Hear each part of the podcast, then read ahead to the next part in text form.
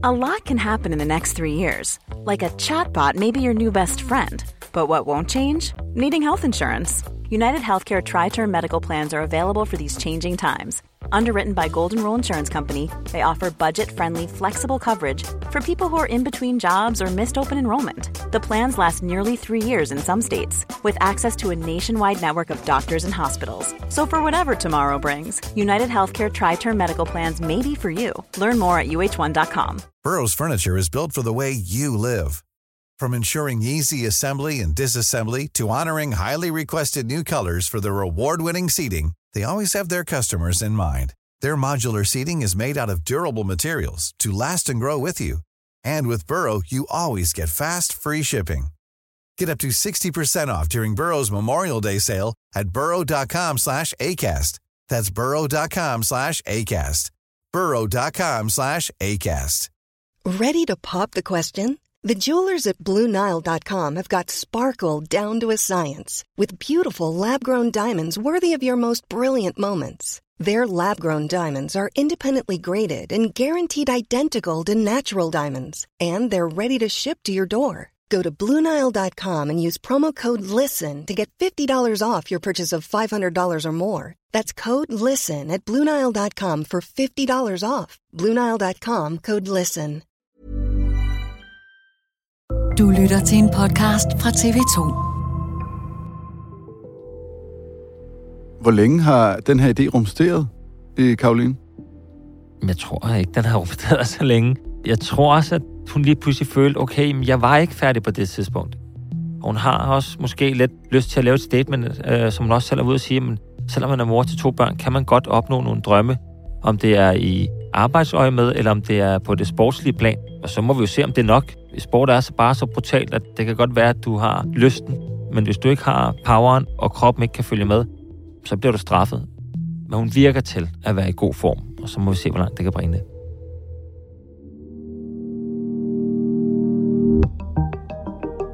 I dag gør den danske tennislegende Karoline Wozniacki comeback, når hun går på banen i kanadiske Montreal til sin første professionelle kamp, siden hun stoppede karrieren i januar 2020. I'm happy to be back, happy to be, you know, playing another, my first event back in three years, a long time. Men hvad kræver det at komme tilbage, når man ikke har spillet på topplan i 3,5 år, og i mellemtiden har født to børn? Og er det overhovedet realistisk at blande sig på topplan igen? Det er dato i dag. Mit navn er Joachim Claus Høj Bindslev.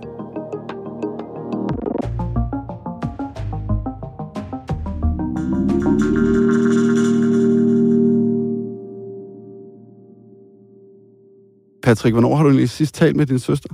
Det gjorde jeg i går. Hvordan har hun det? Hun har det godt. Hun virker frisk og er travlt med to børn, samtidig med at hun også skal passe sin træning og gøre sig klar til, til turneringen, der starter om lidt. Men øh, hun er ved godt mod.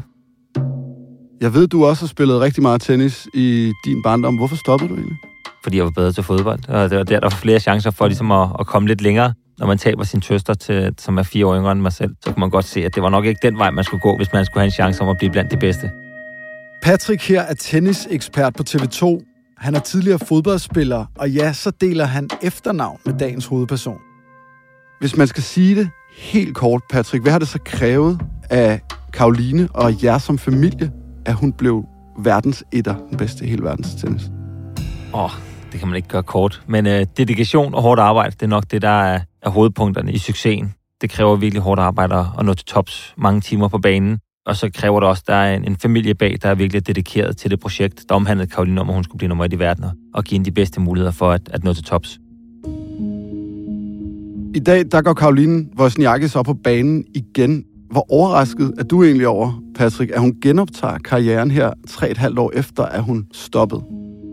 Jeg er meget overrasket. Altså virkelig, virkelig overrasket, og, og jeg tror heller ikke rigtigt på det, før hun står på banen her lidt senere i dag og skal spille sin første bold igen. Jeg har håbet lige siden hun lagde ketchup på hylden, at hun på en eller anden måde ville komme tilbage igen, men jeg vidste også godt, at det var svært. Børn og ledegigt og alle de her ting samlet i en stor pærevending, jamen, så var udsigterne til et comeback nok ikke specielt store, så da hun vælger at sige, okay, men jeg vil faktisk gerne komme tilbage igen, og det er ikke bare noget, hun, hun siger sådan for sjov skyld, så bliver jeg ekstremt glad, fordi at jeg er, er kæmpe fan af Karoline. Jeg elsker at sidde og se hende spille, om hun vinder eller taber, men bare det, hun er på banen og, og kæmper, det synes jeg er fedt. Så jeg glæder mig bare ekstremt meget til, at hun skal spille igen. Er du nervøs? Jeg er lidt nervøs, er man altid. Man er lidt bange for, at, at åh nej, hvad er det nu for niveau, hun, hun ligger for dagen. Men det er gået godt til træningerne, men en ting er til træning, og en anden ting er, når man står og spiller kamp, og der er point, og, og der er et eller andet ja, nerve omkring det her. Forhåbentlig så har hun noget rutine nu, så hun ikke er så nervøs og så irriteret på min far, eller alle de her små ting, der altid er op til kampe. Men hun ligesom kan tage det lidt mere med det her overblik udefra ind. Det satser vi i hvert fald på. Karoline Wozniacki debuterer i 2005, bare 15 år gammel, på VTA-turen, som er der, hvor klodens bedste kvindelige tennisspillere mødes til en masse turneringer verden over i løbet af en sæson. De følgende år arbejder den danske teenager sig op blandt de bedste i verden.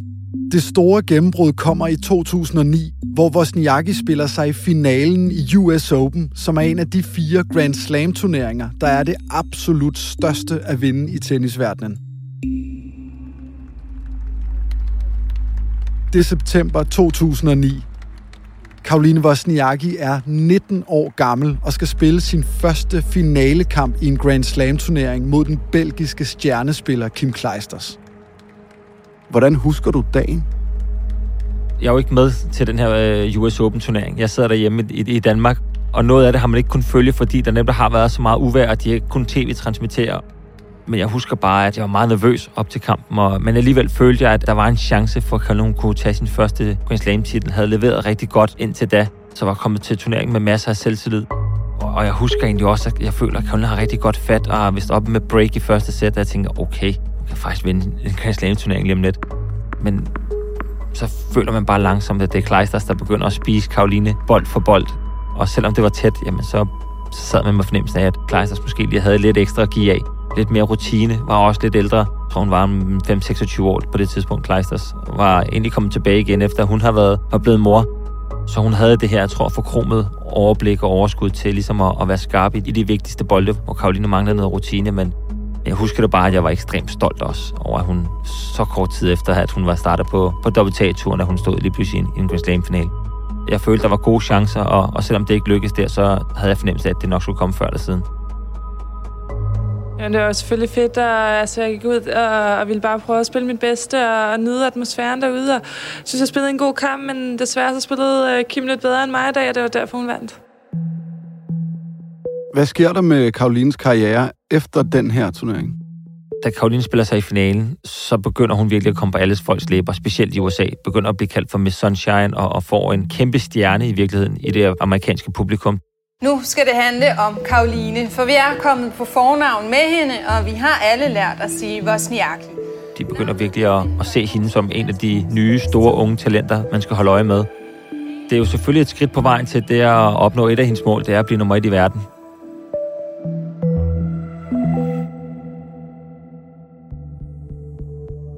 Karoline Wozniacki er nu etableret blandt de bedste kvindelige tennisspillere på planeten. I oktober 2010 når hun så det forløbige højdepunkt, da hun overtager førstepladsen på verdensranglisten. Karoline Wozniacki kan juble over et fantastisk år, der har bragt hende op som nummer et i verden på tennisranglisten. Trods opturen er det imidlertid ikke lutter lavkage, for Wozniacki møder samtidig kritik, fordi hun endnu ikke har vundet en af de prestigefyldte Grand Slam-turneringer. Hvordan oplever I det som familie, at I kan se jeres Karoline være nummer et i verden, men så skal hun alligevel have røg? Det kunne man godt få lidt lang løg af, hvis man kan sige det sådan, fordi det kræver rigtig meget. Grand Slam-turneringer er noget exceptionelt, at der er nogle spillere, der er rigtig dygtige i de her Grand Slam-turneringer. På det tidspunkt, der var vi da selvfølgelig irriteret, fordi at, hvorfor kunne man ikke se på det positive, at vi trods alt leverer godt, og vi er lige så frustrerede som, som alle andre sportsfolk, der, der gerne vil levere bedst i Grand Slam-turneringerne, men, men sådan skulle det ikke være. Der vil altid være nogen, der synes, okay, nu har hun ikke vundet en Grand Slam, og forhåbentlig så vinder en Grand Slam, så siger jeg, hun har ikke vundet fem, hun har ikke vundet 10. Hvordan håndterer hun det selv på det her tidspunkt? Altså, nummer et i verden, og så skal hun alligevel høre for alt muligt. Jeg synes egentlig, hun gør det rigtig godt i starten. Det er jo noget nyt, og, og, og forholdsvis nytilkommet til WTA-turen, og, og det går bare op og op. Der er ikke rigtig nogen nedgang på det her tidspunkt, så hun vifter det sådan relativt nemt af. Og siger, det skal nok komme. Altså, jeg er stadig ung, giv mig tiden. Der har jo ikke været mange Grand Slam-turneringer at spille i virkeligheden. Der er kun ni andre, der har sluttet året som nummer et, så derfor så er det jo, jeg er kommet i, en, i historiebøgerne med de allerbedste i tennishistorien, og det er en rigtig god fornemmelse, det er noget, som jeg kan være meget stolt af. Så det var egentlig bare et spørgsmål om tid. Men jo længere tid der gik, og hun ikke havde vundet en Grand Slam, jamen så kunne jeg godt mærke, at der, der begyndte at blive lidt mere pres, både på min far og Karoline, og, og lidt irritationer, man ligesom også hele tiden hørt fra den danske presse, egentlig også den internationale presse, om at hun ikke havde vundet en Grand Slam. Men det lærer man altså også at leve med. Det, det er et pres, man skal forvente, hvis man gerne vil være blandt de bedste, at folk forventer, at man vinder de store turneringer. Og, øh, og enten så står man op og, og tager arbejdshandskerne på, eller så må man grave sig ned og, og sige, at det er også synd for mig, at jeg ikke har vundet en Grand Slam endnu. Og der tog hun heldigvis bare arbejdshandskerne på og blev ved med at, at køre på. I 2018 får hun dog lukket munden på kritikerne, da hun som den første danske kvinde vinder en Grand Slam-turnering med en sejr i Australian Open. Jeg lå hjemme på sofaen og havde tårer i øjnene. Altså, no shit. Hvordan husker du det? det, det var helt surrealistisk. En i de her seks måneder, der var fra før Australian Open. Det starter med, at, at min egen søn bliver født på dagen, hvor Karoline starter sæsonfinalerne, som er i oktober 17. Og det er som om, at det her også giver en masse glæde til Karoline, og, og så hun går hele vejen og vinder sæsonfinalen. Så tager hun på ferie med David, og han frier til hende. De er på en lyserød sky, hele familien har det bare dejligt. Og så går hun ind til Australien Open med masser af selvtillid, og det hele det kører bare, og, og alle bare hyped. Og så er hun jo ved at ryge ud i anden runde jo. Det er jo helt forfærdeligt. Kom ned med 5-2 og matchbolde, og jeg, og jeg skriver til min mor på det tidspunkt, som er i Australien, og jeg sidder derhjemme. Altså, hvad er det her for noget? Altså, hvad er det for en cirkus, der foregår? Altså, nå, vi ses bare om to dage. Og så lige pludselig, så vender det bare, og Karoline begynder at spille bedre og bedre, og kommer over den her anden runde. Og så tager det bare skridt for skridt, og lige pludselig så står hun med den her titel her. Jeg er også i tårer og råber og skriger med min søn på armene, og vi har et, par, et vennepar på, på besøg også hjemme hos os, og vi råber og skriger og bare jublende lykkelige op. Champagne bliver poppet, og ja, det var, det var en vild tid. I've dreamt of this moment for so many years, and to be here today it's a dream come true. And my voice is shaking. I never cry, but today is a very emotional moment. Hvor vigtigt var det for din søster, altså Karoline Wozniacki, at få den her skalp, en Grand Slam? det var vigtigt, altså, fordi nu kunne hun ligesom også lægge ketchup på hylden og så sige, ah, nu har jeg trods alt vundet den her Grand Slam, som alle snakker om, og som jeg også rigtig gerne vil vinde. Det kan godt være, at jeg ikke vandt 10, men jeg har i hvert fald vundet en som minimum, og der er stadig mulighed for at vinde flere. Men nu har jeg trods alt knækket den her nød, der kræves at vinde en Grand Slam, og ved, hvad der skal til. Så det var, det var kæmpestort.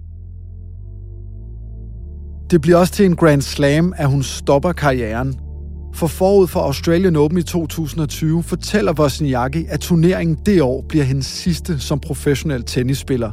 Danskeren vinder de første to kampe, men taber den tredje og er ude af turneringen. Og jeg ser en, en, en grød kval, Karoline. Der, jeg tror, hun begynder at gå op for, hvad der er sket.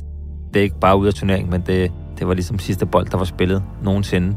Jeg tror, hele hendes karriere lige passeret revy der, og hvad hun har opnået, og at hvad det egentlig, hun har sagt ja til, at, at nu er det altså slut efter den her kamp, og det endte ikke med en sejr. Så jeg er meget ked af det, og jeg tror, der var en bror, der var lige så ked af det oppe i boksen, og som kom ned på banen efterfølgende.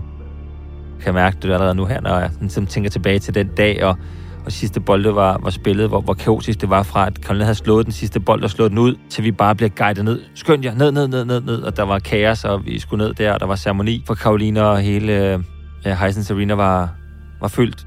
Det var kæmpestort, at der var så mange, og meget bevæget familie. Øh, og ikke mindst Karoline, der, der ligesom prøvede at tage det hele ind, selvom hun var ekstremt ked af det. Det er både glædestår og så selvfølgelig lidt... Øh, det er et nyt kapitel. Det er slutningen af et, af et kapitel. Øh, så det er lidt, øh, lidt forskelligt. Øh, jeg kan ikke lige sætte ordentligt ord på det nu. Tennisstjernen helliger sig familielivet efter sit stop – Wozniacki og hendes mand, den tidligere professionelle basketspiller David Lee fra USA, bliver forældre i sommeren 2021, da de får datteren Olivia, og i oktober sidste år bliver de så forældre for anden gang, da Wozniacki føder sønnen James. Wozniacki deltager i samme periode i to reality-programmer. I det ene bestiger hun Kilimanjaro i Tanzania med sin familie. I'm scared that I'm gonna get altitude sickness. Har Karoline og familien Wozniacki taget udfordringen op? Og i det andet fortæller hun om sit forhold til ægtemanden David Lee. Det er to programserier, hvor det er Wozniacki selv, der styrer fortællingen, i modsætning til, hvad hun har været vant til i sine mange år som professionel tennisspiller. Hvor dejligt har det været for din søster at få øhm, for eksempel den danske presse, den danske offentlighed på afstand? Alle de der spørgsmål om, jamen du har jo ikke vundet alle de Grand Slams, som du sagde, du ville som 10-årig. Det tror jeg helt klart ikke er noget det, hun har savnet. Hun har savnet at stå på banen og kæmpe og være på de største scener i verden med masser af, af publikum. Men det er en del af gamet, det er en del af det, der også gør, at, at der er præmiepengene øh, af den kaliber, der er, så man tager det med, men, men det er helt klart ikke noget af det, som man, man ser frem til at komme tilbage til.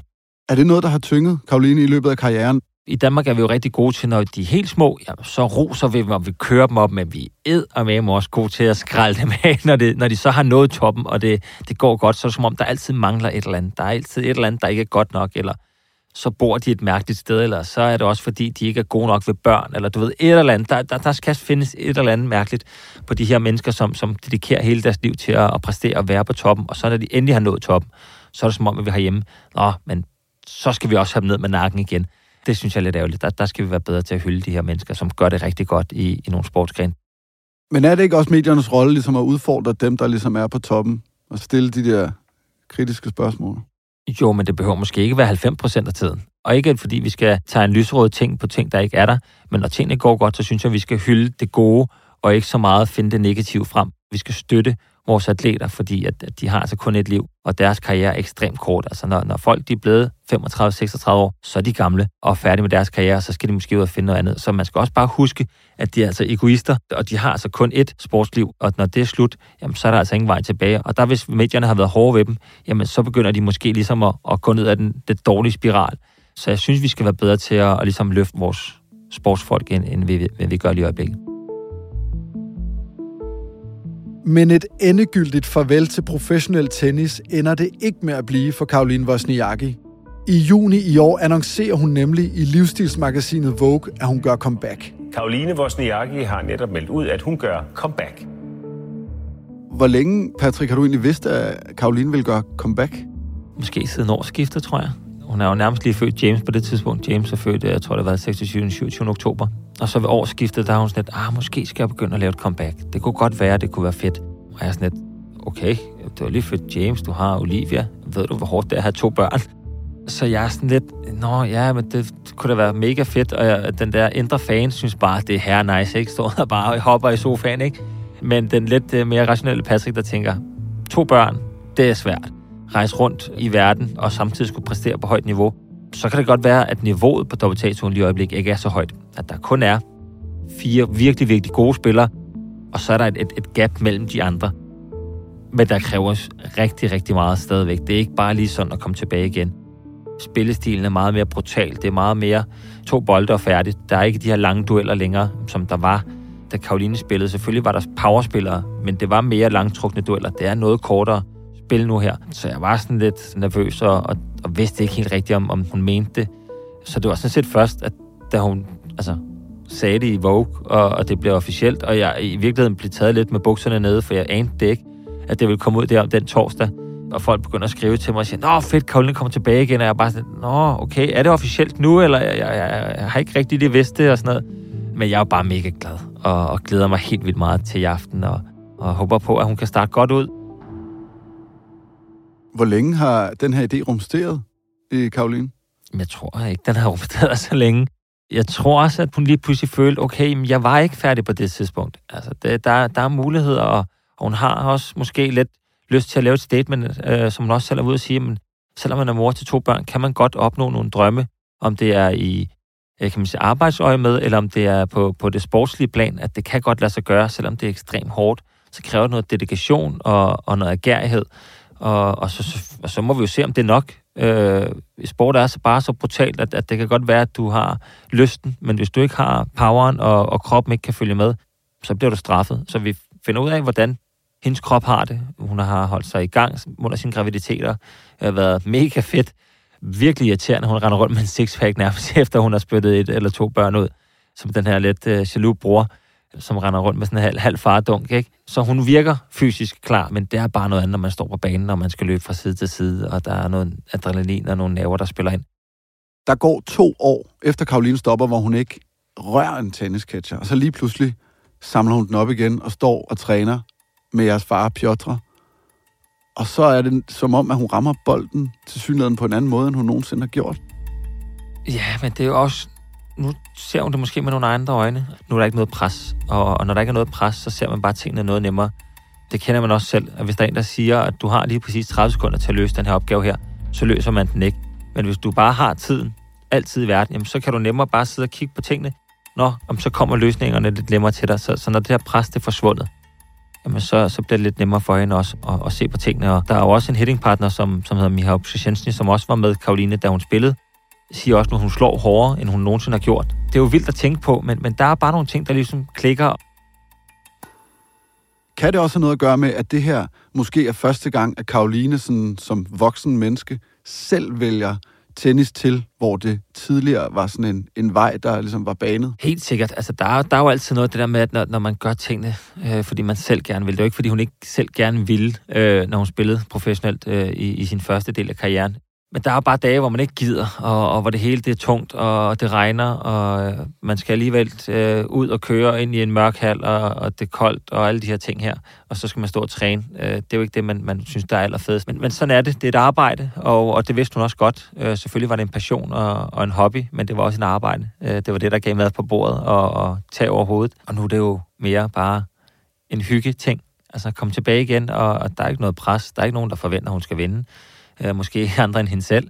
Så der er jo ikke noget omlæggende pres. Hvis hun vinder sin kamp, er det fantastisk. Hvis hun taber, så tænker folk, nå ja, men hvad havde man regnet med efter tre år? Øh, og går hun hen og vinder, jamen, så er det jo lidt lige pludselig en succeshistorie. Så der er ikke noget pres på hendes skulder, og jeg føler ikke, at hun kommer til at smadre sit eftermæl. Hun, hun giver det chancen, og, og lykkes det ikke, og hun føler, at hun, hun ikke kan være med, jamen så siger hun, okay, jeg gav det trods alt forsøg. Jeg ville gerne lige være sikker på, at jeg ikke kunne være med, eller jeg godt kunne være med, og ikke gå i graven med, og hvad nu hvis øh, følelsen, ikke? Kan du sætte nogle ord på den dynamik, der er mellem din søster og din far? Altså, Piotr har været hendes træner i mange, mange, mange år. De har nærmest ligesom levet symbiotisk, kan jeg forestille mig, at vokse sammen. Er der noget anderledes nu i forhold til, hvad der var, da det så at sige bragede i 20 år, dag ud dagen? Ja, men det er stadigvæk lidt en TNT-bombe, ikke? Altså, du har lige, jeg ved ikke, om du har spillet Crash Bandicoot, men når man lige hoppede på den, så havde man lige tre sekunder til lige at komme væk, inden den eksploderede. Ikke? Altså, det er jo lidt sådan, at man kan godt lige mærke en gang, så bliver der lige antændt en lunde, og så eksploderer det. Det er der en lille bitte smule af stadigvæk. Ikke lige så meget som tidligere. Altså, nu kan de trods alt træne en hel uge, uden at øh, der er gnidninger, hvor tidligere, der kunne de jo nærmest ikke træne en gang, uden at der hele tiden var et eller andet, og de kom lidt sure fra træning og så videre. Så jeg tror også, det er den her mere frihed, der er. Altså, der er ikke noget pres på dem. Men der er, lidt gnidninger en gang imellem, og jeg tror også, at jo, jo tættere på vi kommer på kampstart, desto, desto mere vil min far også begynde at blive sådan lidt nervøs og irriteret, og, og, og vi kommer lidt tilbage til de gamle vaner med, at, at man skal altså gå på lidt på liste til igen, og ikke, ikke sige for mange dumme ting i hvert fald. Hvad er Karolines forventninger? Altså, hendes forventning er, at hun skal igen og vinde Grand Slam-turneringer igen, og, og være blandt de bedste. Det, det er den målsætning, hun har, og den tro på tingene, hun har. Måske ikke lige med det samme. Altså, hun skal lige mærke sig an, og så se, hvad der sker, og, og, og hvad er niveauet. Og så kan hun vinde en, to kampe her nu i Montreal, er det kæmpe succes for mig. Så, så jeg håber, hun får nogle gode kampe, og, og så, så lad os se, hvor langt det bringer. Jeg tror først, at det er 2024, der, der kan være et rigtig godt år for Karoline, men man har lov at håbe på at blive overrasket. Tror du på, Patrick, at din søster, Karoline Wozniacki, kan nå helt op i verdenstoppen igen? Jeg håber det. Jeg, jeg har svært, jeg, håber, jeg kunne høre med, jeg har svært ved at se hende komme ind og så bare buller ind på, på verdenstoppen igen der, der synes jeg virkelig, de er gode. Men igen, altså hun har simpelthen modbevist mig så mange gange. Når jeg hører de kampe, hun har spillet mod de spillere, hvordan hun renser dem af til træning, så er der noget positivt at hænge sin tro på. Men, men jeg glæder mig til at se det. Jeg håber, jeg bliver positivt overrasket, men jeg forventer ikke, at hun står med titler, eller vi ser hende i kvartfinaler lige forløbig. Men altså, hun har overrasket mig gang på gang, så må ikke også hun gør det den her gang. Hvad er forskellen på Karoline, som spiller nu, i forhold til, da hun stoppede for 3-4 år siden? Hvad er anderledes? Jeg håber, for jeg ved det jo ikke endnu. Det finder jeg jo først ud af, når hun har stået på banen om nogle timer. Men jeg håber, jeg ser en mere afslappet Karoline. At jeg ser en Karoline, der står på banen som en, en voksen. Ikke at hun ikke har været det tidligere, men, men en, som kommer ind, og så spiller hun afslappet. Og kigger og ser, okay, min modstander gør det og det, at jeg kan se, at det er en mere afklaret Karoline, der spiller. Ikke en, en, der er for nervøs og for sammenbidt i sit spil og bliver forkrampet. Gør hun det, jamen så, så bliver det svært. Jeg håber, hun, hun spiller med masser af overskud. Og gør hun det, jamen så, så ser jeg, at der er rigtig, rigtig gode muligheder for, at, øh, at det bliver nogle, nogle gode år fremadrettet. Patrick Wozniacki, tusind tak, fordi du kom, og held og lykke til øh, familien Wozniacki og din søster i dag. Tusind tak skal du have. Dagens afsnit er tilrettelagt af Emil Laversen, Leo Peter Larsen og Ida Skærk står for lyddesign. Astrid Louise Jensen er redaktør, Og mit navn er Joachim Claushøj Bindslev.